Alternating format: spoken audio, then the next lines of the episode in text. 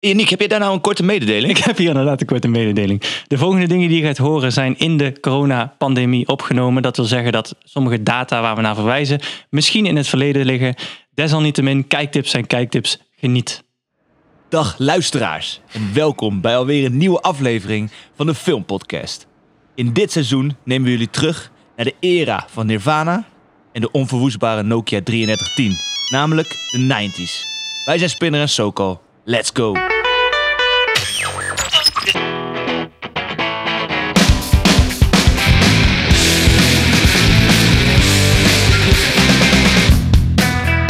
Tegenover mij in mijn uh, uitzonderlijk zonnige tuin zit Sven Sokal. En tegenover mij, in jouw zonovergrote tuin, zit Yannick Joël Spinner. Hallo, hallo. hey, jij hebt prachtige bloemen in deze tuin. Ja, allemaal door Ayla gedaan. Alles. Jij, jij hoeft de deur niet meer uit. Nee, inderdaad. Jullie zijn gewoon doomsday preppers. We zijn tot en met 2031 zelfvoorzienend. nice.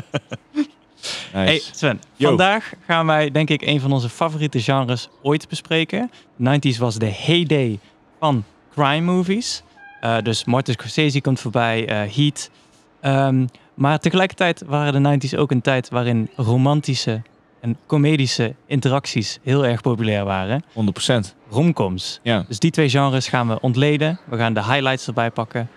En uiteraard krijg je aan het einde van de uitzending ook nog de iconische kijktips. Konisch. As far back as I can remember, I always wanted to be a gangster. Laten we aftrappen met het genre crime, a.k.a. misdaad. Ja. Amazing. Een sleutelwoord Een sleutelwoord in cinema in cinema in de 90s. in de 90s. Toch? Wij denken precies hetzelfde. En uh, ja, en er zijn zoveel films die de revue passeren. Denk aan Goodfellas, denk aan Casino, denk aan Heat. Ja. Denk aan Donnie Brasco. Laat dat films zijn die wij even onder de loep gaan nemen. Dat lijkt me een uitstekend idee. Let's go. Just when I thought I was out, they pulled me back in. Maar goed, crime, crime, crime, crime. De Yes. 90s gaf ons een goudmijn aan crime films. Ja, uh, trend gezet denk ik door uh, Coppola uh, met The Godfather.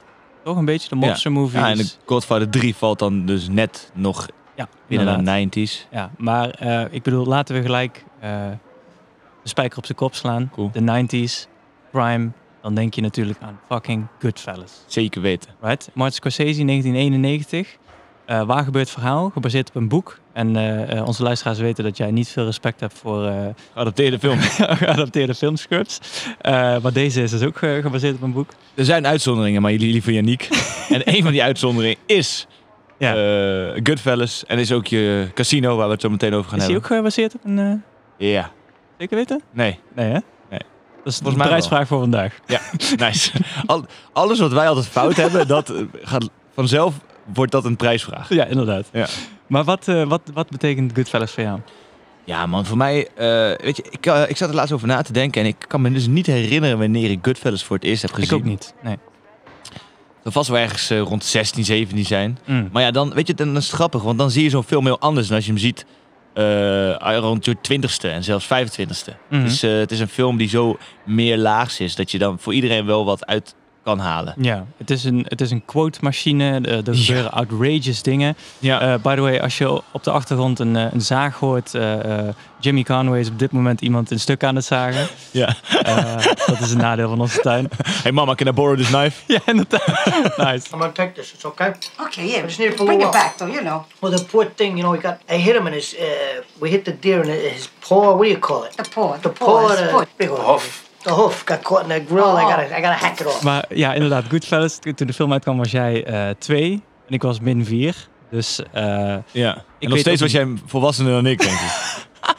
ik weet ook niet wanneer ik hem voor de eerste keer heb gezien, maar ik bedoel, uh, de film opent met de iconische zin.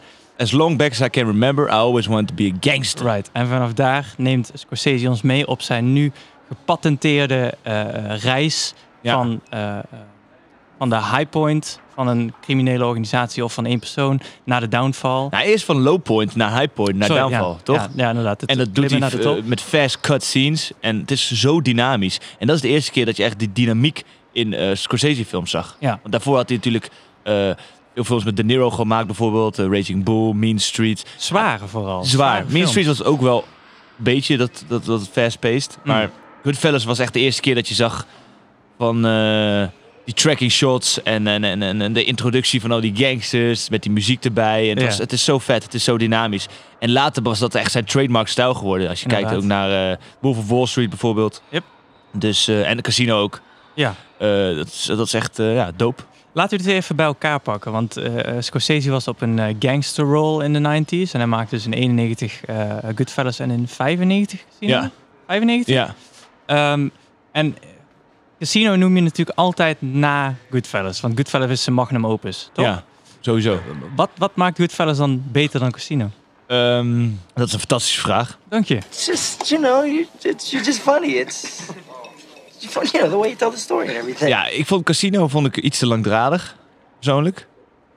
Maar eh, het scheelt echt fucking weinig, man, Mm. voor mij. Echt 1A, 1B in mijn ogen. Ja, ja inderdaad. En eh, Ik, ik vind ook, Goodfellas heeft zo'n uitgesproken cast en zo'n uitgesproken karakters. ehm, die, die inderdaad gewoon... eh, Het is bijna te zien dat dit echte mensen waren. Ook al, we gaan straks aan het einde van, de, eh, van dit segment nog wel even kijken... wat waren misschien een beetje de verschillen tussen real ja, life en, en... Joe eh, Pesci speelt gewoon eigenlijk dezelfde karakter hè, in allebei. in, in alle films speelt hij altijd. Het is fucking... Ja, in Home Alone is hij geen eh, fucking Maat, daar killer. is, hij, daar is hij ook iemand met een Napoleon-complex. En, Ja. eh, en loopt hij de hele tijd te schelden. Alleen in plaats van echte woorden zit hij... Ja, papa, ja, papa. Echt cringy om dat Oh, te dat is zien. een sikke imitatie. Funny how? I'm funny how? I mean, funny like I'm a clown. I amuse you. I make you laugh. I'm here to fucking amuse you. What do you mean funny? Funny how? How am I funny? Maar eh, ja, hij speelt ongeveer hetzelfde karakter. Ja. De Nero speelt dan wel een ander soort karakter. Die is een eh, teruggetrokken, introverte gambling guy die dan gemixt is met de maffia. Mm. En als, bij, G- als Jimmy Conway in Goodfellas speelt hij echt die guy die op, op zijn 16 nou hits eh, pleegde voor mob bosses en Ja. fucking groot was. En Henry Hill en, en Tommy dus het, het leven laat zien. Ja, ik, had fucking, ik moest echt lachen, want ik had laatst Goodfellas gekeken en toen dacht ik van hoe oud moet De Niro je voorstellen? Want als zij allemaal meeten, Ja. als je De Niro voor het eerst ziet, dan moet hij iets van 25 zo voorstellen. Ja, en maar hij was toen al 40 12. of zo, hè? Ja, ja, ja. ja, ja. Inderdaad. En dan, maar dat zie je ook aan De Niro, man, die kop. Maar, ja, maar goed, De Niro is dus... eh, hij heeft gewoon twee verschillende gezichten. Je hebt Young Guy, Raging Bull De Niro en je hebt Ja, alles ja, na ja, ja. 35 De Niro. Ja, inderdaad. Maar Raging Bull is nog een geval apart. Omdat hij daar Mm. echt 50 kilo meer weegt dan normaal of zo. Maar dat was de eerste De Niro Pesci. Dat was Raging Bull. En dan heb je De Niro Pesci Goodfellas, De Niro Pesci Casino. Ja, ja.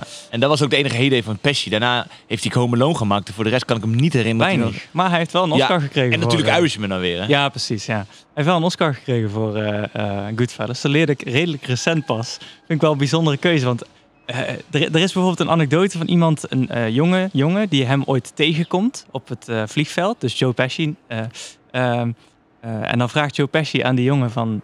Wie is jouw favoriete acteur uit Goodfellas? En dan die jongen, een beetje geïntimideerd door het feit dat hij dus Pesci in het echt ontmoet, zegt dan... Ja, dat was u meneer, zei hij. Good boy. En toen pakte hij een briefje van 100 en die stopte die in de, in de, in de zak van die jongen. Dat schijnt, ik weet niet of het echt gebeurd is, maar dat is in ieder geval een anekdote die verteld wordt.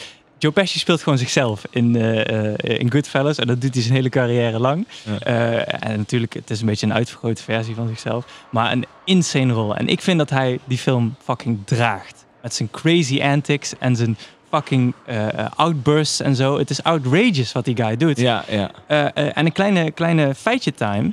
Eh, Why did you do that? Why? Goodfellas is in veel eh, opzichten een beetje een eh, ingekookte versie van wat er in het echt is gebeurd. Eh, een beetje een mildere versie van wat er echt is gebeurd. Henry Hill is bijvoorbeeld gewoon eh, in het echt een, best wel een piece of shit geweest. En Mhm. altijd sleazy en altijd een alcoholist. Eh, weet je wel? Het is geromantiseerd. Precies. Zeg maar de eerste helft van de film is geromantiseerd. Ja, maar ook daarna gaat het, eh, gaat het best wel downhill voor hem. Ook als hij in de witness protection zit, moet, gaat hij meerdere keren naar de gevangenis. Dat was zo ziekelijk smooth. Thanks.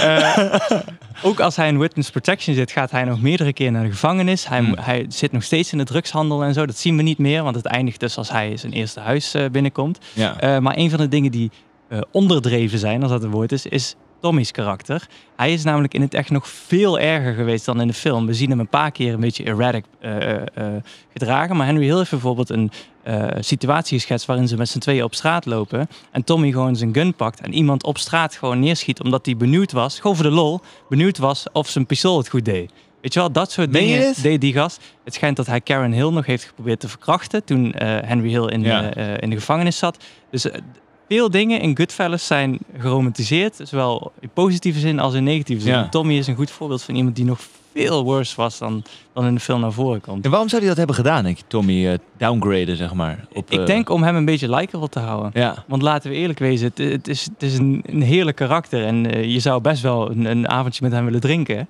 Eh, het liefst niet eh, zijn drankje serveren. En je mag dan- niet lachen, hè? Want. Ja, maar funny? How's that, all right? What's the fucking matter with you? What's the what, is the- fucking matter with you? What are you, stupid or what? No, Tommy, I'm kidding with you. What the fuck are you doing? Are you a fucking fuck- sick maniac?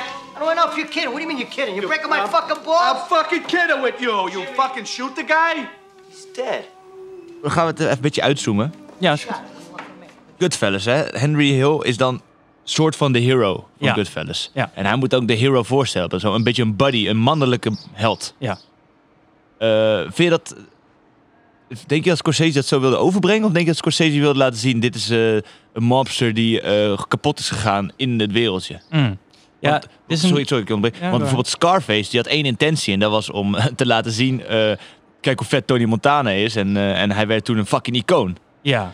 Maar, en, en die had maar één taak. Kijk, eh, het is- Scarface is gewoon eh, shoot 'em up, eh Ja. dope eh, Cubaanse gangster laten zien. maar, die insteek, dit is een metadiscussie. Het gaat niet over de film zelf, maar die insteek van Scarface is heel duidelijk. Het is fictie. En Tony Montana is op geen enkel moment een likable persoon. Right?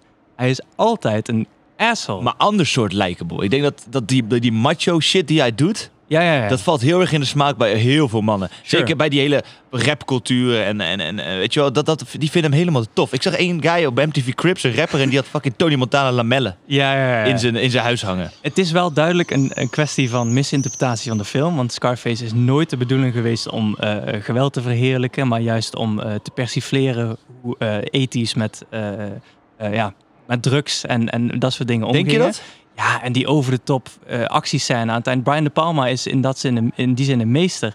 Hij heeft zo'n persifla of een karikatuur neergezet van de actiefilm, weet Ja. je wel. Eh, ik denk dat het nooit de bedoeling was om hem likable te laten zijn. Henry Hill daarentegen, je volgt hem als kind. Je ziet hoe hij eh, Ja. eh, leuk Karen aan het versieren is, weet je wel. Dat soort Karen! Karen! Ehm, daar is die lijn iets dunner. En zeker omdat het een echt persoon is. Dan moet je je afvragen. Het is natuurlijk een oneindige bron aan geweldige eh, beeldmateriaal. eh, en, en wat er echt is gebeurd is een oneindige bron aan eh, inspiratie voor een film. Maar ik vind wel dat Henry Hill niet erg genoeg geportretteerd is in die film. En hetzelfde syndroom zie je later bij Wolf of Wall Street. Waar iemand duizenden levens Ja. kapot maakt en daar rijk van wordt. En wat is er aan het einde eh, gebeurd? Nou ja, hij is in de gevangenis geweest en gaat daar vervolgens eh, speak, eh, openbare speaking Maar doen. dat is ook wel kritiek dat Scorsese vaak krijgt. Ja. Eh, maar dat kan ook wel een, een misinterpretatie van zijn eh, kunst zijn, hè? Ja, Want, eh, want ik weet dat bij op Wall Wall Street werd altijd gezegd van... eh, de vrouwen krijgen geen stem in deze film. Maar aan de andere kant, het, dat, dat is een boys club, hè? Dat hele gebeuren daar, weet je. Dat is gewoon mannen, mannen, mannen. En mannig, mannig eh, zijn. with a common denominator. ja. Dus eh, ja, en als je dan gewoon een, een, een, een, een, een solide en eh, een accurate schets wil van dat wereldje... Eh, dan, eh, ja, dan moet je dat ook zo overbrengen. En, Ja. en niet gaan verheerlijken om, het, om binnen bepaalde maatschappelijke lijnen te vallen. Ja, ben ik het op zich wel mee eens. Maar eh, dan gaan we terug naar eh, journalistiek en framing. Hey! Media Logica! Onze opleiding. Media Logica! Eh, de theorie zegt, zegt in ieder geval, als je ervoor kiest om ergens over te schrijven, hoe objectief je het ook doet, zodra je Ja. ervoor kiest om erover te schrijven, kies je ervoor om het onder de aandacht te brengen, right? Ja. Dus de vraag moet dan ook zijn, eh, als het zo'n outrageous verhaal is en je het op geen manier in een film kan vertalen dat je eh, meegaat, want we willen natuurlijk Henry leuk vinden als hoofdpersoon, anders dan ga je een film niet kijken. Nee, Als je zeker alleen maar zit te cringen. Ehm, dus moeten er concessies gedaan worden. Is het het dan waard? Eh, natuurlijk was het waard om, die, om, om zijn verhaal te verfilmen. Alleen ik denk dat je wel altijd bewust moet zijn dat het doel van zo'n film nooit is om die levensstijl te verheerlijken. Oliver Stone, toen die, want die heeft de film geproduceerd, Ja. die zei ook toen hij op een gegeven moment een AFI Life Achievement Award aan El Pacino gaf, zei hij ook van deze film heeft jou eh, een soort van getekend, want het is natuurlijk een iconisch karakter. Ja, Maar eh, toen wij die film hadden gemaakt, toen, toen dachten wij allemaal dat we carrière suicide oh, pleegden. Ja. Omdat wij juist wel met die film dingen verheer, bepaalde dingen verheerlijken. Ja. Want eh, je, kan, je kan ook een Tony Montana maken die wat minder succesvol was of zo. Als je echt een depictie van die film van die gangsters wil. Mhm. Maar Tony Montana heeft een succesverhaal tot de laatste 20 minuten van de film. Als Ja. die dan helemaal, eh, als, als die in, in de ban van de cocaïne eh, lijpe beslissingen neemt. Mm. Dus eh, deels, deel van mij zegt, je hebt gelijk. Maar een deel van mij eh, zegt ook dat ze zich niet echt in hebben gehouden met het verheerlijken van, van, eh, van dat wereldje. You need people like me. You need people like me so you can point your fucking fingers and say, that's the bad guy. So say goodnight to the bad guy. Come on. Ja, in Goodfellas is dan nog maar de vraag. Want eh, om daar nog even naar terug te linken. Henry Hill eh, was wel degelijk een veel minder chari- charismatisch en succesvol persoon dan in de film getoond wordt. Ik weet niet of bijvoorbeeld die Copacabana-scène echt zo gegaan is. Dan, dan moeten we even factchecken. Ik denk het niet, man. Eh, maar over het algemeen, al zijn swindles en al zijn businesses en zo, eh, eh, zijn, zijn verheerlijk. En het feit is, eh, hij heeft later ook gezegd, hij heeft meerdere keren heeft hij geprobeerd om uit dat wereldje te stappen. Hij heeft een eigen bar aangeschaft en is geprobeerd legitimate Ja. te gaan. Ja, ja, dat omdat waar. hij gewoon, hij heeft gezegd, heel zijn leven bang is geweest. En uiteindelijk wordt hij ook een rat, omdat hij bang is dat hij door Jimmy wordt, wordt omgelegd, weet je wel. Want hij, maar hij wordt in die film, komt hij ook over als de reasonable guy hè, van die gasten. Ja. Hij is altijd de reasonable guy. Van oh, laten we hem niet vermoorden of laten we dit niet doen. Right. En Tommy, zijn beste vriend, is aan de andere kant van het spectrum. Ja, precies. Ja, en dat, eh, ja. Ook dat is dus weer allemaal heel erg questionable. Eh, klein, klein feitje time nog, eh, de moord op Billy Bats. Doe er even wat mee. Now go home and get your fucking shine box. Eh, wordt in de film neergezet als een impulsieve actie van. Tommy en zo. Is in het echt ook gewoon gepland. Ze hebben gewoon een hit op hem uitgevoerd. Die, die eh, altercation heeft wel plaatsgevonden. Er is ruzie geweest. Maar twee weken later is hij pas omgelegd. Dus het was allemaal met voorbedachte raden. Ja, ja. Daar ga je weer. Henry Hill is niet iemand die per ongeluk in de moord eh, van, van Billy Bats is terechtgekomen. Ja. Nee, hij heeft samen met die gasten heeft die moord uitge- uitgevoerd, weet je wel. Dus dat zijn allemaal kleine veranderingen die het toch een beetje verheerlijken stiekem. Ja, dat is waar. En denk je trouwens ook dat, ehm, dat omdat Henry Hill zich nooit echt op zijn gemak heeft gevoeld in het wereldje, als je het zo kan zeggen, Ja, dat hij daarom ook zo verslaafd werd aan koken en dat soort dingen? Ja, waarschijnlijk wel. Goeie, goeie theorie. Want, dan, Jimmy... eh, eh, want dat is, want dan, dan word je heel zelfverzekerd en, en, en, en, en, eh, dan, dan word je echt een eh, gangster. Je krijgt Ja. gangster vibes van coke. Ja. Ja, Henry Hill noemt Tommy ook een coked out psychopath. Hij schijnt dus... In de film zie je hem nooit coke doen of wat dan ook. Nee. Maar blijkbaar is Tommy dus ook ook, niet veel drinken en zo. Nee, valt wel mee inderdaad. Ja. Maar hij is dus blijkbaar ook gewoon een, een, een fucking druggie geweest. Ja.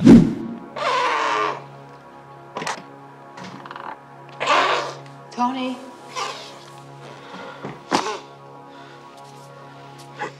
hey, maar ter afsluiting, eh, we hadden net pauze en eh, Antje zei eh, toevallig iets interessants. Scratch zegt toevallig. Alles wat hij zegt is interessant.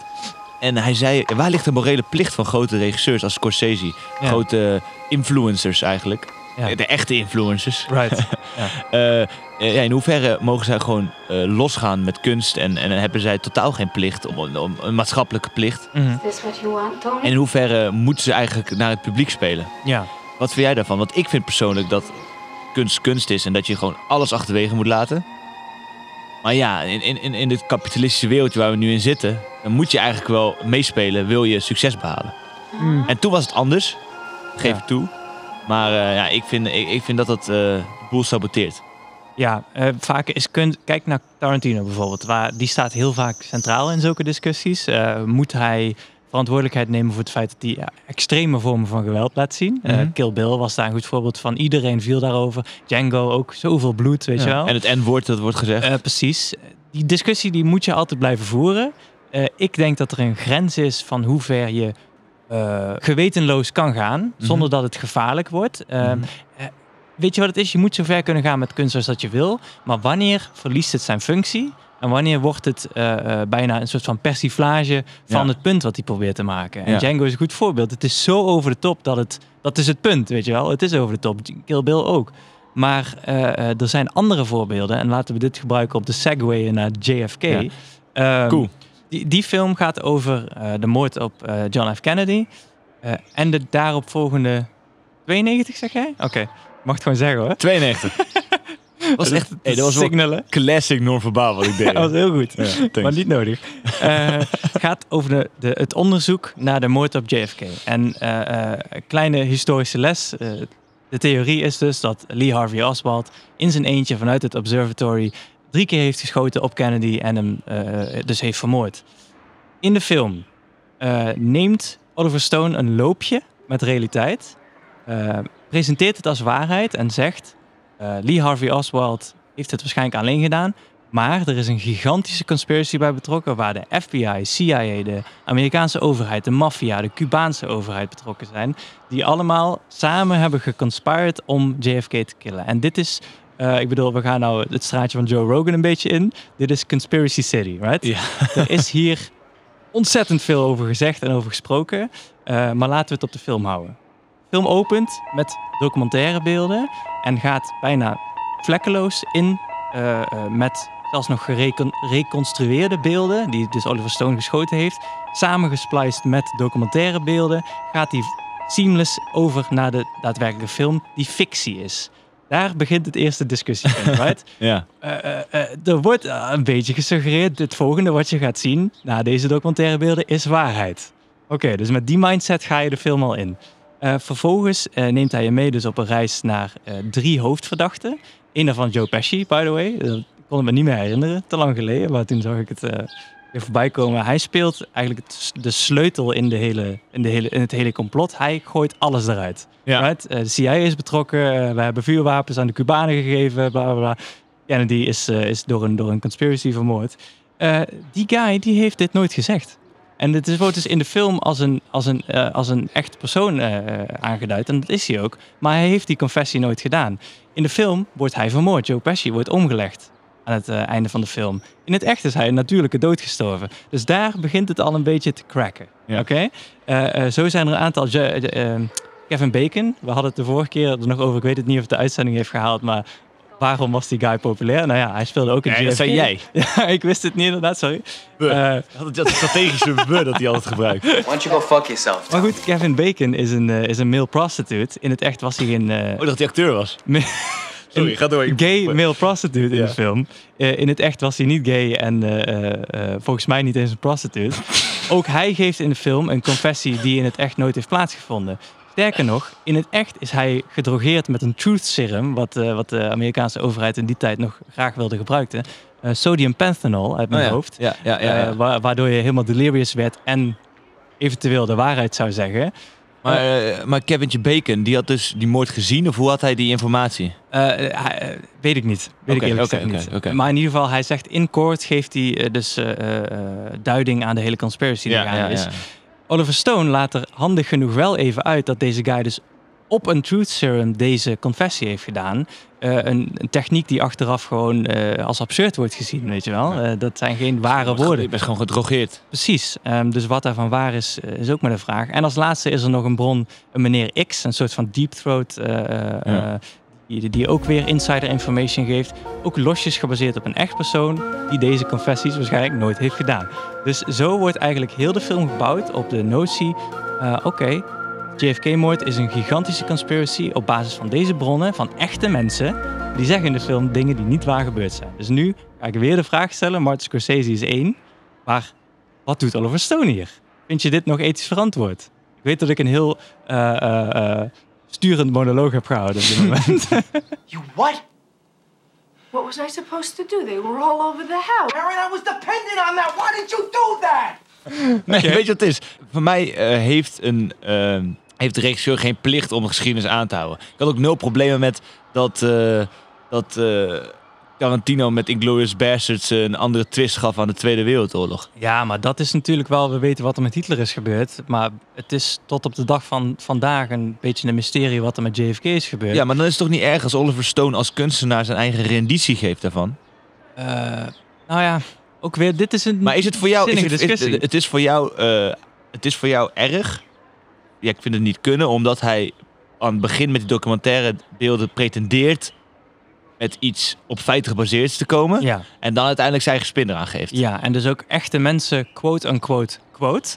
Maar hij quote aan quote ze, maar hij zet niet zeg maar de, de echte namen erbij. Jawel, zijn echte namen. Zijn echte namen mensen, gewoon. Ja. behalve dan de meneer X, die later pas gereveeld is. eh, snap je wat er dan gebeurt? En, en het gevolg daarvan, want ik wil nog heel eventjes terug. eh, de realiteit is dat nu eh, in een artikel van The Guardian wordt gezegd dat tot drie kwart tot 80 procent van de Amerikaanse bevolking gelooft dat er een conspiracy is geweest om JFK te vermoorden. Ja? Ja. Lee Harvey Oswald kan het nooit alleen hebben gedaan. Onmogelijk. Eh, ik geloof dat eerlijk gezegd ook. Ik ook.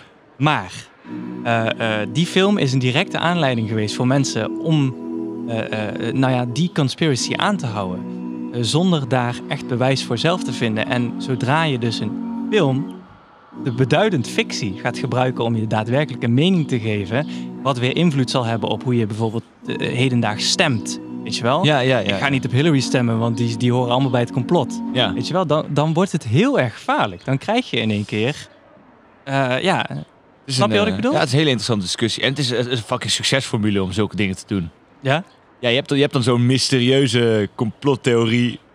ja, En dan ga je een film maken waarin je dan nog meer vragen uit kan halen. En dat is allemaal publicity natuurlijk Ja. voor je film. ja, ja, ja. Dus in die zin is het gewoon wel, eh, wel slim. En het denkt gewoon dat Oliver Stone's persoonlijkheid, hij is zo'n pompous, arrogant ass motherfucker. en, eh, en, en om dan te gaan spelen met, met zo'n gevoelige, eh, gevoelig deel van, van de geschiedenis, Mhm. Echt, eh, weet je wel, dat is echt iets voor hem. Outrageous. Outrageous. Maar leg het, dan, Blasphemous. leg het dan bijvoorbeeld naast Natural Born Killers. Iets Mm. wat ook heel erg. Ja, maar je transities zijn on point. Ja, ik, ben- ik ben ik, Je bent- aandelen in Segway. Want ik- je ook wel de bruggenbouwer van Tilburg. eh, Natural Born Killers is ook een beetje geframed als zijnde een, hè, een, een mockumentary. En later komt Robert Downey Jr.'s karakter die dan daadwerkelijk hun volgt in hun echte killing spree. ja. Het, het lijkt bijna echt, maar het is fictie. Pak het op deze manier aan en je hebt ineens een heel ander verhaal. Maar dat was ook niet eh, helemaal goed uitgepakt. Hè? Want Tarantino had het script geschreven. Ja. En, en, toen was, en dat was veel lijper dan dat, dat het echt geworden is. Mm. Het schijnt ook dat, dat daar ruzie was geweest of zo. Tarantino zou hem eigenlijk zelf willen regisseren of zo. Of? Ja, hij wilde hem zelf reageren, re- regisseren, maar eh, ze wilden het script gewoon niet verfilmen omdat hij gewoon fucking bruut was en sadistisch en eh, Mm. insane. Dus op een gegeven moment ging Oliver Stone het doen en toen distancieerde Tarantino zich er compleet van. Ja. ja, hij heeft eh, de film inderdaad eh, eh, Onteigend. onteigend. inderdaad, Maar, ja. eh, maar je ziet hem nog steeds wel langskomen in het rijtje van Tarantino eh, films. ja. No, no, no, no, no. You, insulted him a little bit. You got a little out of order yourself. No, I didn't Sorry. insult him. I didn't insult Insulted him. him a little bit. Maar ja, inderdaad, ja, dus eigenlijk was die film nog lijper geweest. En dat is ook pure fictie, hè? dat is pure fictie. Ja, maar die, waar die film eigenlijk om gaat is zelfadoratie. En, eh, en, en, en, hoe, en hoe dat er mensen zijn die overschaduwd worden door iets. En dan op zulke lijpe dingen gaan doen om toch nog wat, eh wat eh, Ja, en de spotlight te zijn. aanzien. Aanzien. aanzien te krijgen. Ja. Is dit voor of na Columbine geweest, deze film? voor. Voor? Ja, man, Columbine Columbine, ook Columbine jaren was 90. later, man. Dat was tegen 2000 aan, volgens mij. Ja? Oké. In ieder geval, 2002, 2003. ik zie daar ook wel een beetje parallellen natuurlijk. Hè? Want deze mensen zijn ook gewoon mass killers die, eh die Ja, nee, klopt. media aandacht... eh Ja, man. any terrorist, terrorist. sure. En je had daarvoor had je ook nog die Oklahoma City bombings. Dat was ook fucking lijp. Hmm. Hadden ze het veel flatgebouw opgeblazen. Oh, wow. Ja, man. Dus eh, ja, dat is heel erg. dat, dat is dan wel echt een dunne lijn, man. Om de Natural Born Killers dan zo te maken. En dan kan je enerzijds maken om een, om een boodschap over te laten brengen. Van Mm. kijk hoe lijp het is wat jullie doen. Ja. En, en hoe dat backfired eigenlijk. Want jullie Ja. doen dit voor een bepaald doel, maar je, behaalt het doel nooit. Hmm. Eh, en, en aan de andere kant kan je mensen laten zien van dat, dat dit ook gebeurt. En misschien moet je die mensen maar toch maar niet zoveel aandacht geven.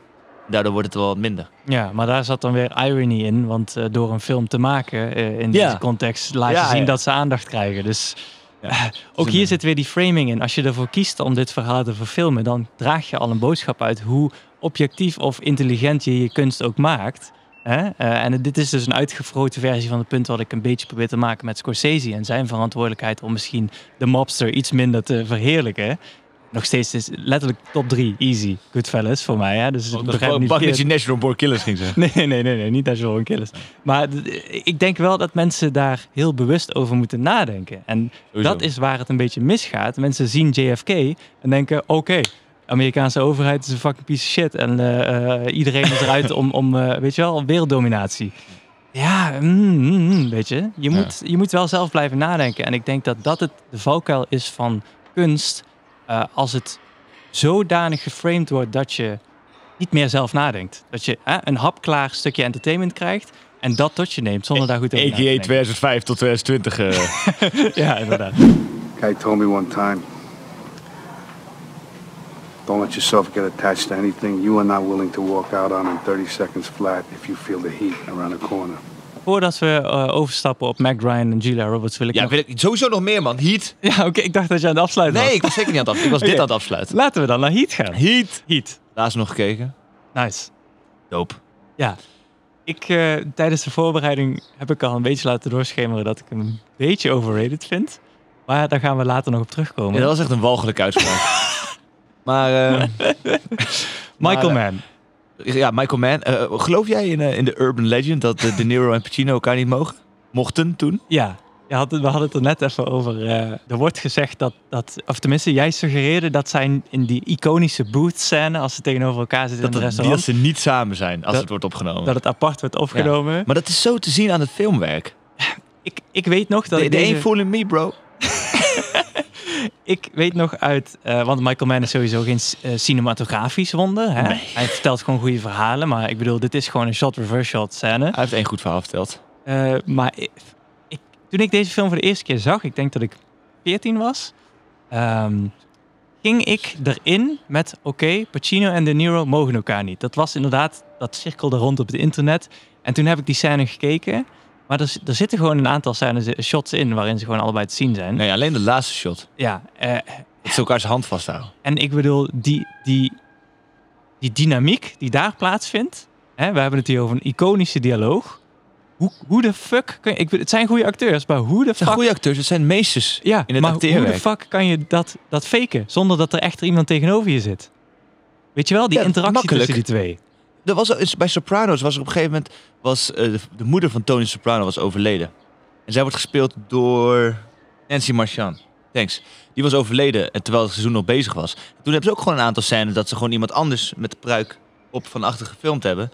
En dat, dat die acteurs gewoon eh, ja, naar niks aan het acteren waren. I'm reloaded! Ja, Heat. Er gaat dus een urban legend. Of je het gelooft of niet, maakt niet uit. Het, ik vind het super vet om die twee zwaargewichten in één film te zien. Ja. En ik vond het ook zo dope, want eh, Pacino is dan die rough and rugged cop. Mhm. Met een heel moeilijk persoonlijk leven. En daardoor stort hij zich heel erg op zijn werk. Dat ook fucking lijp is. Ja.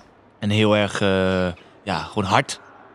Want op een gegeven moment eh, deed hij naast die case die hij over- de Nero deed, deed hij ook allemaal van die, van die rape cases had hij en zo. En hij nam het allemaal mee naar huis. En het werkte niet helemaal met zijn stiefdochter. En het was, hij had gewoon een heel moeilijk leven. En had je De Niro die een, eh, ja, een heel gecontroleerde boef was. Fucking smooth. Fucking smooth. Maar die twee, die, die hadden, eh, die vonden elkaar super vet, hè? Ja. Die hadden een hele vette relatie met elkaar. In de film bedoel je? Ja, want ook al wilden ze elkaar pakken. Eentje wilde hem, Pacino wilde De Niro pakken, De Niro wilde hem vermijden. Ja, Hadden ze een of andere relatie, een of andere respect tussen elkaar gekregen. ja een professionele dynamiek eh, Ja, bijna. man, en dat vond ik super vet eh, ja. in de film. Eh, klein feitje time. Twee. Twee stuks. Doe jij hem maar. Wat? De feitje time. Nee, nee. Nee? jij doet het. eh. Nee, nee, ik bedoel het zeggen. Oh. Heat is een remake van Ja. Michael Mann's eerste film, LA Takedown. hij, hij had hem gemaakt en eh, dacht, eh, ik kan dit beter en ik kan dit met eh, Pacino en De Niro. Dus laat ik hem nog een keer maken. Dit is toch insane dat dit gebeurd is. Maar wie was de eerste dan? Eh Val Kilmer zat er volgens mij wel in. Ook Tom een Sizemore ook. Dat weet ik niet zeker. Eh, maar in ieder geval, hij heeft gewoon een full- een full-length movie gemaakt. Ik denk vijf jaar daarvoor. Moeten we even opzoeken. Oh, teringlijn. She got a great ass! En nog een feitje staan, wat, wat, wat voor mij, ik vind de dialoog heel erg goed. Ik vind het een, een tof verhaal, maar voor mij is de manier waarop eh Sound design. vuurgevechten, sound design inderdaad, weergegeven is, revolutionair. Ik snap niet dat het niet zo vaak wordt gedaan. Want no- normaal wordt, worden gun sounds worden in post gedaan. Dus er wordt er gewoon overheen geplakt. Klinkt altijd nep, klinkt altijd cheesy, klinkt altijd ridiculous. Eh, Michael Mann heeft het ook geprobeerd. Hij zegt, dit klinkt voor geen meter. En uiteindelijk hebben ze dus de echte geweergeluiden die wapens met blanks maken. En die dus keihard galmen door die straten van Ja. New York, is het? Zeggen ze niet. West Ja, Coast? wel hè? Ja, Oké. Eh, in ieder geval, geweldig sound design. Die gun sounds zijn ja super ongelooflijk. Dat Super maakt dope. de, de, de firefight zo impactful. Maar ik moet je eerlijk zeggen, ik vind het vetste aan Heat vind ik juist die, die dialogen en niet, de, niet, niet, niet die actiescènes. Ja? Dus, eh, ja, misschien, ja, maar het is natuurlijk personal preference. Ja. Maar eh, ja, die, die, die, die, die actiescènes is gruwelijk. Die laatste bank robbery. ehm, fucking nee, dat, dat, zo dynamisch neergezet dat ze gewoon aan wandelen. Het, het, het ziet er heel toevallig uit. Ja, ja, ja, ja. Snap je? Ja, maar alles is ingestudeerd dan. Ja. ja. Eh, maar ik vind gewoon eh, dat die relatie tussen Pacino en De Niro, dat vind ik het vetste van die film. You know what I did yesterday? I went in front of all the skippers. And cocksucker Sonny Red, all of them. I went on a record with you. You know what that means? I think I do. You do. You ain't got no fucking idea, my friend. Nobody can touch you now. I'm your man. Jesus Christ couldn't touch you. Because I represent you. So, keep your nose clean, be a good earner, follow the rules, and who knows, maybe one day when they open the books, you get straightened out. Become a wise guy, a made guy. Come on, lift your glass. I die with you, Donnie. Anything happens, I'm responsible. All right? All right, salute. Maar eh, wat hebben we nog meer? Ja, ik heb nog Donnie Brasco opgeschreven. Keerbij. ja, dat was de eerste... eh, Johnny Depp natuurlijk in een maffiafilm. Ja, Eh, deed die oké. ja. Ik, ik heb er weinig over te zeggen. Later had hij ook Public Enemies gemaakt en, eh, en Black Mass. Ja, maar, Black Mass was Het is, niet zijn, het is niet zijn genre, man. Ja, hij moet daar wegblijven. Ja, eens. En wel, het is wel vet dat, eh dat eh, Pacino erin speelt. En hij speelt dan... Normaal speelt Pacino eigenlijk een hele... Big guy, weet je wel. En hier is hij een beetje een onderdeurtje Ja, van, van, die, van die gangsters eh, daar. Ja. Dus dat is vet om hem in die rol te zien. Helemaal mee eens. Ja. Ja, weet je, we slaan een beetje doelbewust heel Tarantino over. Want vorig seizoen hebben we een, heel, een hele aflevering aan hem gewijd. Hij heeft natuurlijk Reservoir Dogs, Jackie Brown en Pulp Fiction gemaakt. Ja, In de damn 90s. good crime movies, Ja. als je het aan ons vraagt. Ja. Eh, dus daarvoor referencen jullie naar eh, seizoen 1, aflevering 7 uit mijn hoofd. Ja. Eh, daar ontleden we heel eh, Tarantino. En hij komt nog terug in Zijn de dialoog. films. Ja. Inderdaad. Was Eh, het Messi? Was Messi geworden op een gegeven moment. en hij komt denk ik ook nog terug in de dialoogaflevering. Eh, Hij komt altijd terug, man. hij komt altijd Ja. terug. Tuintje in ons hart, in onze tuin. Zeker. Eh, dat, dat was het wel met grote, met grote crime movies volgens Ja. mij, man. Crime, crime, crime, crime. Sorry, boys. All the stitches in the world can't sew me together again. Lay down. Lay down. Gonna stretch me out in Fernandez Funeral Home on 109th Street. Always knew I'd make a stop there. But a lot later than a whole gang of people thought. Last of the Mohicans. Well, maybe not the last.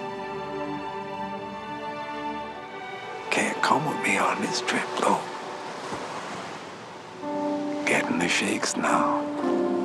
Last call for drinks. Bars closing down. Sun's out. Where we going for breakfast? Don't wanna go far. Rough night. Tired, baby. Tired. We gaan crime nu opvolgen met romantische comedy. Want romantische comedy was eigenlijk net als crime. Ja, een groot genre. Ja. Gedurende de 90s. Ja, we, we zagen het opstapje naar romantische comedies met When Harry Met Sally in de 80s. Ehm, je wil niet zo een uitspraak van Nee, 80s ja, zeggen. ja. De 80s. Zeg gewoon de 80s. De 80s. Eh, da- daar is het eh, format gecreëerd met When Harry Met Sally. Dus eh, een beetje algemeen geaccepteerd als de eerste archetype eh romcom. Er zijn er daarvoor vast wel een paar Billy. Crystal, Meg Ryan. Is dat Billy Crystal, heet hij zo? Oké. Ja. Een, een anti-typecast voor mij. Ik vind hem helemaal geen romcom kop hebben. Maar goed, dit is met de Oh, wetenschap jawel, van, jawel, jawel, jawel. Hij is dope, man. van terug. Ja. En in de 90s vierde dit genre hoogtij. Ja, wil zeggen, ja. Zeker met Meg Ryan. Ja. Eh, Sleepless in Seattle. You've Got Mail. En nog meer. Philadelphia? Nee, dat is... nee. Wauw, dat is Tom Hanks. Die, Die, maar AIDS die heeft. twee... maar- sorry. Yes! Yes! Yes! Yes! Yes! Yes! Oh! Oh! Oh! Oh! Oh, God. Oh. I'll have what she's having. Tom Hanks, daarom moest ik eraan denken. Dat is natuurlijk een slip-up. Maar Tom Ja. Hanks speelt zoveel met Meg Ryan. Ja, ja, klopt. Daarom dat ik... eh, eh, hij was een beetje Mr. Romcom. En toen ging Klopt. hij ineens een 180 maken met Forrest Gump, eh, Saving Private Ryan en zo. Ja. Eh, maar hij heeft best wel veel lichte, easy, lichtelijk verteerbare films gemaakt daarvoor. Ehm, maar wat, wat, wat, wat, wat denk jij bij Romcom? Wat is jouw eh, gevoel daarbij? Ja, ik vind romcoms fantastisch. Het gaat om gevoel, hè? Romcom Ja, gaat ik, om nou, ik krijg een warm gevoel van romcoms. Ja? Ja? Eh, zeker in de 90s romcoms. Dat waren meer mijn soort romcoms. Oké. Want eh, er is een duidelijk verschil tussen rom- romcoms uit de 90s en la- 2000 eh, en beyond. Ja. Die romcoms in de 90s gingen meer over liefde. En over het gevoel van liefde. En echt relaties.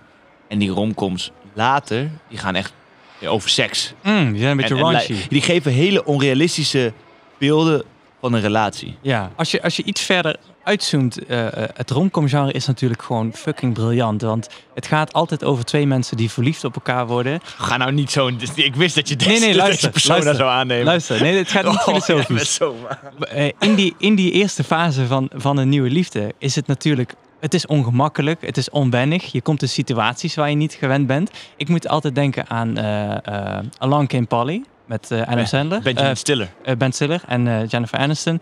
Ja. Hij gaat dan bijvoorbeeld spicy food eten, want in een onbenullige opmerking zegt hij ja, ik, ik hou van spicy food. En dan gaan ze Pri- prikkelbaar syndroom. ja, dan gaan, dan gaan ze naar inderdaad een restaurant toe en dan gaat hij in de scheiterij. Weet je wel, dat soort dingen zijn een uitvergroting van wat er gebeurt als je voor het eerst verliefd bent. Je komt in rare situaties terecht en dat creëert, dat creëert hele grappige situaties. Ja. Ehm, en waar comedy vaak mee struggelt, is om een geloofwaardig verhaal neer te zetten.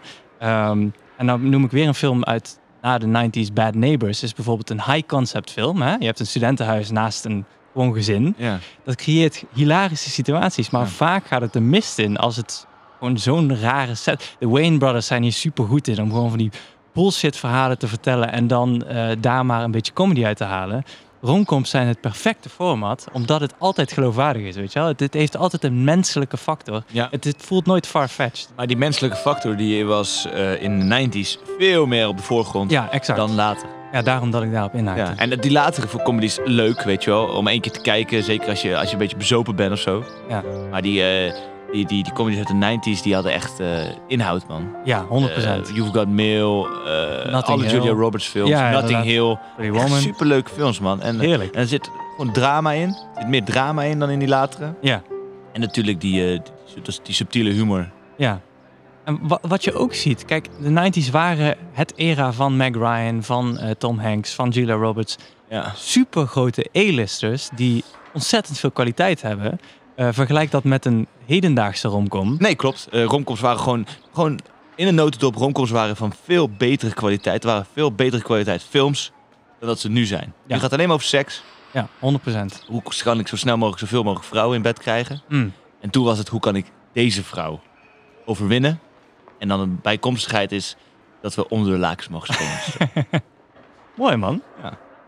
En wat, valt bij jou meer in de smaak? Eh, meer die eh, relationship-based eh, romcoms uit de 90s of meer die sex-oriented? Nou, mijn, mijn comedy origine ligt bij films als Superbad en ik bedoel alles van Judd Apatow. Maar niet uit wat die guy maakt. Geweldig. En daar draait het voornamelijk om seks en om geweldige dialoog. Ja. Eh, niet zozeer situational, maar gewoon eh, outrageous eh, conversatie tussen, tussen alles wat, eh, wat, wat Jonah Hill in Superbad zegt. Ja, is gewoon is één grote raunchy, maar, maar toch op een, ja, op een acceptabel niveau, zeg maar. Ja. Daar, daar begon ik mee. En toen kreeg ik een vriendinnetje op de middelbare school. En toen gingen we natuurlijk al die romcoms kijken. Obviously, weet je wel. Wat ga Ja. je kijken? Eh, en toen begon ik daar wel een beetje warm voor te worden. Gewoon een, ehm, een, het is een andere brand of humor, weet je wel. Het is vaak niet zo outrageous. Het is vaak niet... eh, eh, het zoekt niet per se de grenzen op. Het zit meer binnen een, een, een spectrum van ja, menselijkheid of zo. Jij? Ik heb eigenlijk precies hetzelfde. Eh, ik vind, ik vind, ik vind eh, Judd, Judd Apatow films ook verschrikkelijk vet. Maar ja, ik heb precies hetzelfde als jij. Oké. Weet je wat het lastige is met dit genre? Ik, ik denk dat het mogen duidelijk zijn dat onze roots voor cinema-liefhebberij eh, bij crime liggen. Ja. En de reden dat de film, film, filmpodcast bestaat is niet omdat eh, Julia Roberts eh, vier films heeft gemaakt in de 90s. Ehm, maar we mogen, niet, we mogen niet onderschatten Nee, het was geen jab. Het was gewoon meer... we mogen niet onderschatten hoe groot het genre in die tijd was. Ja, ja, ja. Uh, maar misschien niet zozeer voor ons. En um, wat daar ook gewoon bij meespeelt is dat toen wij tieners waren, Superbad uitkwam. En uh, voor mij is The Pick of Destiny en alle Jack Black films uit de Zero's zijn gewoon... Dat was voor mij niks, maar uh, Superbad en zo was voor mij ook echt mijn ding. Ja, dus ja. wij zijn denk ik niet opgegroeid in het era waarin dit net nieuw was. En nog, uh, ja, wij, wij, hebben misschien een beetje een... Um, een bedorven blik erop gekregen, omdat nu alleen maar van die shitty ass romcoms worden gemaakt. Ja. Maar waarom is het dan niet hetzelfde ook met Goodfellas? Want dat, was, dat kwam ook niet uit onze tijd. En ze hebben ook pas later. Dat is een hele goede vraag. Dat weet ik eigenlijk niet. Want nu worden ook bedorven maffiafilms gemaakt. Ja. Party, hoe, hoe, hoe, zien we dan wel de kracht van Goodfellas in, maar niet bijvoorbeeld van You've Got Mail? Dat is een goede vraag. Weet je wat? Misschien, uh, dit is gewoon een theorie. Misschien omdat Goodfellas een verhaal vertelt wat uh, uh, zo outrageous en zo out there is dat je, dat je er ook vandaag nog iets uit kan halen. En het is ook een time period waar wij niet in hebben geleefd. Weet je wel? Het is een historical piece in die zin. Ja. Dus het geeft een tijd weer.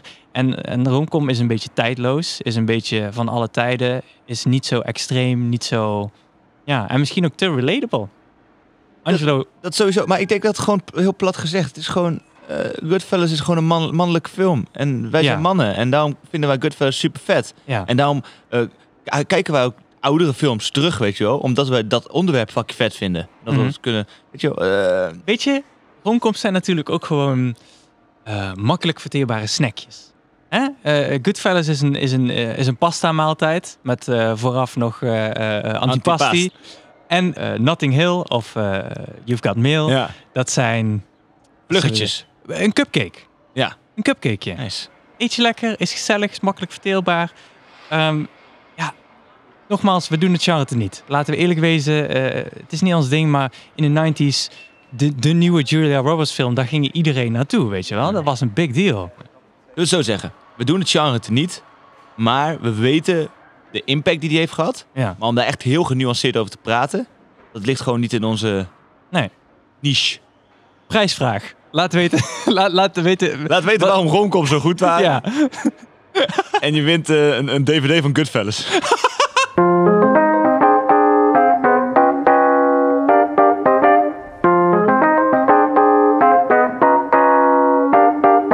Kijk, Tip. Zo worden ze in Mexico genoemd. hè? Echt waar? Ja. Dat wist ik niet. Ik spreek geen Spaans. Een Mexicaanse El Podcast. Ehm, er is niet zoveel nieuws Nee. op de streamingdiensten. Maar één ding wat er wel voor mij uitsprong is een eh, serie waar ik al best wel lang naar uitkijk. Hij heet Space Force. eh, met Steve Carell in de hoofdrol.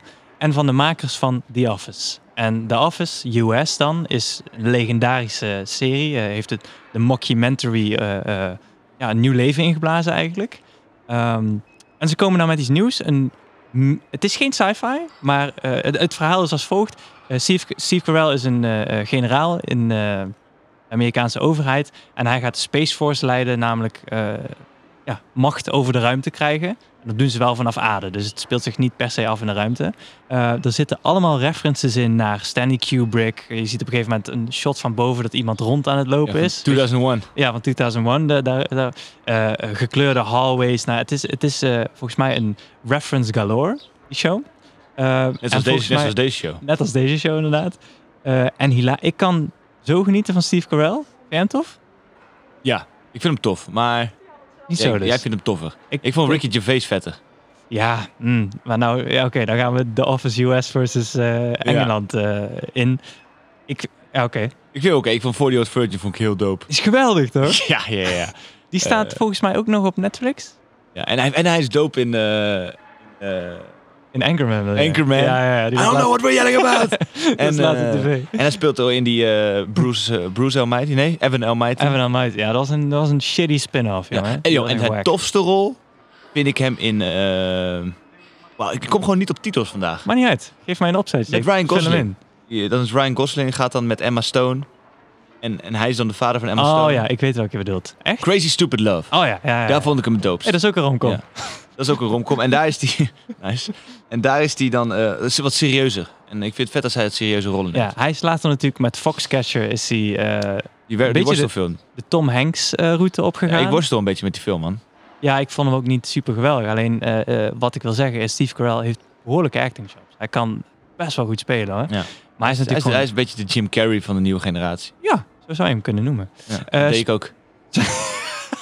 Scherp. Ik dacht dat hij alleen maar bij Apple eh, TV zou aangesloten zijn. Eh, daar had hij hè, die Good Morning Show of zoiets. Eh, blijkbaar maakt, maakt hij ook voor Netflix iets. Dat wordt Space Force. Oh, het is Netflix. Het is Netflix. En Netflix doet iets heel lekkers, namelijk alles in één keer droppen. En zeker in deze vet, tijd hè? wil ik gewoon fucking bingen als iets goed is. Eh, oh, en The Office staat op Amazon Prime. En daar ben ik ook heel benieuwd naar, want ik heb niet alles gezien. Ik heb op Comedy Central veel snippets gezien. Over welke office hebben we nu? Ja, US. Oké. Want ja, UK kan je volgens mij nergens krijgen. maar wat vind je van dat Netflix alles dropt? Je vindt dat natuurlijk leuk, maar... Eh, Heerlijk. het is wel lijp mij- dat ze dat doen, hè? Weet je wat het is? Netflix is een ontwikkeling van tv. Het is niet meer lineair, dus je mag gewoon kijken wanneer je wil. Ja. Dus treat me like a fucking grown-up en zet al die shit gewoon op Netflix. En laat mij beslissen wanneer ik iets ga kijken. Weet je wel? In plaats van dat ik moet wachten.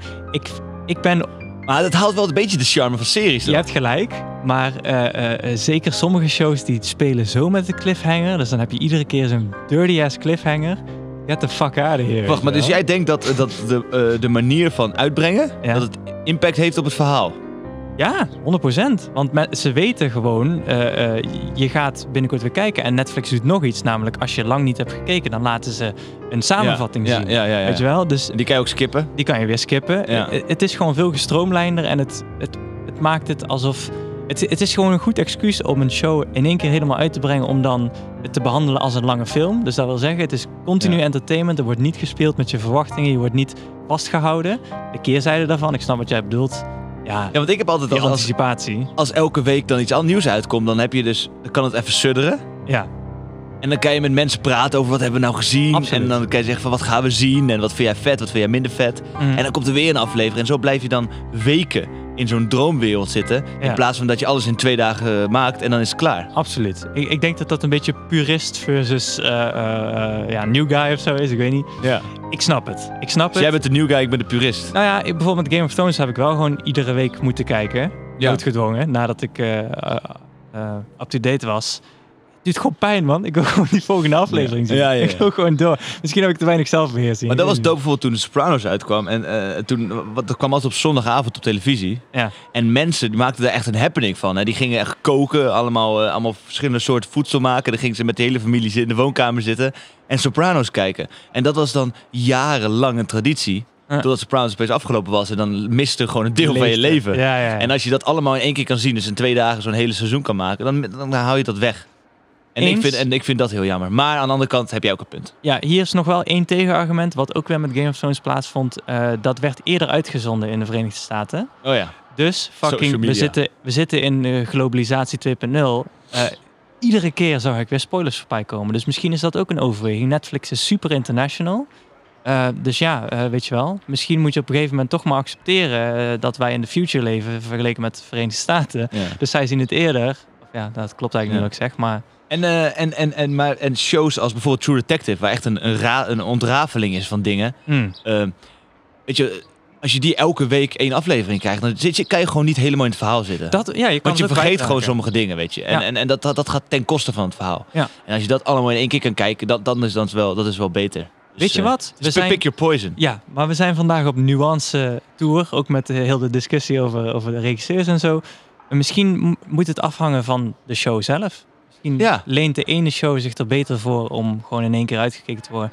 Kijk bijvoorbeeld naar eh entourage. ja, Ja. comedy shows inderdaad. Ja. Op eh, Space Force. Lekker gewoon alles in één keer kijken, weet je wel. Je hoeft Ja, of niet juist niet. te zijn. Of, juist, of juist elke week eentje, want dat gaat er niet echt om de inhoud, maar meer omdat je kijkt, je kijkt het lekker weg. Maar dan kan je geen mensen vasthouden. Misschien. Als je het niet in, weet je wel, dan op een gegeven moment ben je het kwijt. Dan van, ja, whatever. Ik ben niet invested. Ja, maar als een show kwalitatief goed is, net zoals Entourage, dan blijf, je- dan blijf je dat wel vasthouden. Ah, nou ja, in ieder geval. eh, eh, HBO is nog wel eh, die, die, die purist in de Ja. cinemawereld. Dope. En jij bent de laatste tijd alleen maar aan het zeuren over één show. Succession. Ik ben niet, Succession, ten eerste ben ik niet aan het zeuren, ik zeur nooit. maar eh, Succession, ja. Ik, ik had Succession gekeken op aanraden van Ange, volgens mij. Nee, ik zei tegen Ange, heb je Succession gezien? En zei hij van, yo, yeah. en toen zei ik, oké. Zo praat Sorry, ja, zo praat hij. ja. Verschrikkelijk eloquent in alles wat hij zegt. Maar eh, ja, en hij zei dat het dope was. Eh, hij is onze HBO-guy. Hij weet alles van HBO. En ik had hem toen gekeken en ik vond het super, super nice. Geef Het een gaat- kleine het gaat over een, een, een, een miljardair eh, die aan het einde van zijn leven staat en aan het einde van zijn eh, regeren van, van zijn mediabedrijf. Hij moet dus, dus het stokje overdragen aan iemand. Succession. En, succession. En ze gaan ervan uit dat het aan zijn, uit zijn zoon is of uit zijn dochter of iemand binnen de familie. Maar die serie gaat alleen maar over aan wie gaat hij nou overgeven. Gaat hij het überhaupt overgeven? En het is heel vet om die miljardair lifestyle te zien, weet je. Want dat is Ja. iets wat, wat, waar niemand bijna mee te maken heeft nee. hoe die mensen leven en de problemen die die mensen hebben, ondanks dat ze zoveel geld hebben. Hm. Want dan krijg, je, dan krijg je natuurlijk hele andere problemen met zich mee. Ja, sure. En hoe dat allemaal is neergezet is fantastisch. En die soundtrack met de piano die je meteen hoort als je die serie kijkt, is ongelooflijk. Oké, oké. Dus het check hem. Meer drama georiënteerd. Ja, man, sowieso. Ja. Sowieso. Puur stage acting. Ja, en weet je wie erin speelt? Die oudste Roy van hem, eh, oudste zoon van hem, wordt gespeeld door een guy die ook in de Big Short speelt. Brian Cox is nice. Brian, ik wil altijd lachen om die shit. Maar Brian, Met, met een X, hè? Brian Cox met niks. Die, eh, die speelt een dope rol. Die speelt ook in de, de Born. Is die, is die, die guy Ja, naar, de- naar wie die toe gaat? Weet De je agent, ja. De agent, die oude guy die ja. hem getraind Hij heeft. heeft hem gebrainwashed. Gebrainwashed, ja. Oh, en weet je wie er ook in speelt? Kieran Culkin. Dat is de neefje, neefje van eh Macaulay Dude, ik kwam Culkin. hem toevallig vandaag tegen op internet. Ja, hij ik speelt wist goed, niet man. dat hij een broertje had. Ja, Macaulay man. Nee, Culkin. is een neefje volgens mij, man. Oh, neefje, oké. Ja. Maar goed, ja, het is in ieder geval een hele toffe serie. Check Mm. hem. We hebben dus eh, crime gehad. Ja. Eh, wat een spectaculair genre was voor ons. Ja, 100%. Eh, en we hebben romcom gehad. Ja. Wat een spectaculair genre Voor was de 90s. voor de 90s. Iets minder voor ons. Ja. Eh, en nu gaan we het doorpakken. Ja. Want we gaan volgende week wat bespreken, Yannick. Eh, we hebben weer Weet je hoe ik je betrek bij deze podcast? dat een jab. Nee. Mijn JFK-monoloog was wel lang aan. Nee, maar dat was fucking night. Nee, ik vond het oprecht interessant, man. Thanks. En ik heb nog nooit zo gekeken naar die film. Dus eh, dat was voor mij een openbaring. Oké, man. I appreciate it. Ehm, wat was je vraag? Eh, wat we volgende week Oh ja, gaan doen. ja, ja. Oké, zo. Wow, je was zo vol van jezelf even, dat je gewoon alles om je heen bent Nee, vergeten. ik zat te kijken dat jij een complimentje gaf in plaats van een roast, hè? Omdat ik, eh, dit? Al mijn roasts zijn eigenlijk complimentjes, snap je I know. wel? You only roast the ones you love. Ja. Toch? So this is gonna be short. we, gaan, eh, we gaan het volgende week ook over iets uit de 90s eh, hebben. Ja. Volgende week gaan we een heel bijzonder genre erbij pakken. Genre wat wij zelf een naam hebben gegeven, namelijk social commentary. Want in de 90s waren er een aantal films. En ik kan alvast het tipje van de sluier lichten. American Beauty is zo'n film. Fight Club komt misschien voorbij. Forrest Gump? Forrest Gump, ja. Eh, er kwamen films uit die een hele unieke kijk op de tijdsgeest hadden. Die ik nou een beetje mis. Eh, en die in de 90s geweldig waren. Dus die gaan we ontleden. Goeie. En we mogen niet vergeten dat horror in de 90s een nieuw leven ingeblazen werd. Blair Witch Project, Scream. Exacte mundo. Dus we checken jullie volgende week. Tot volgende week.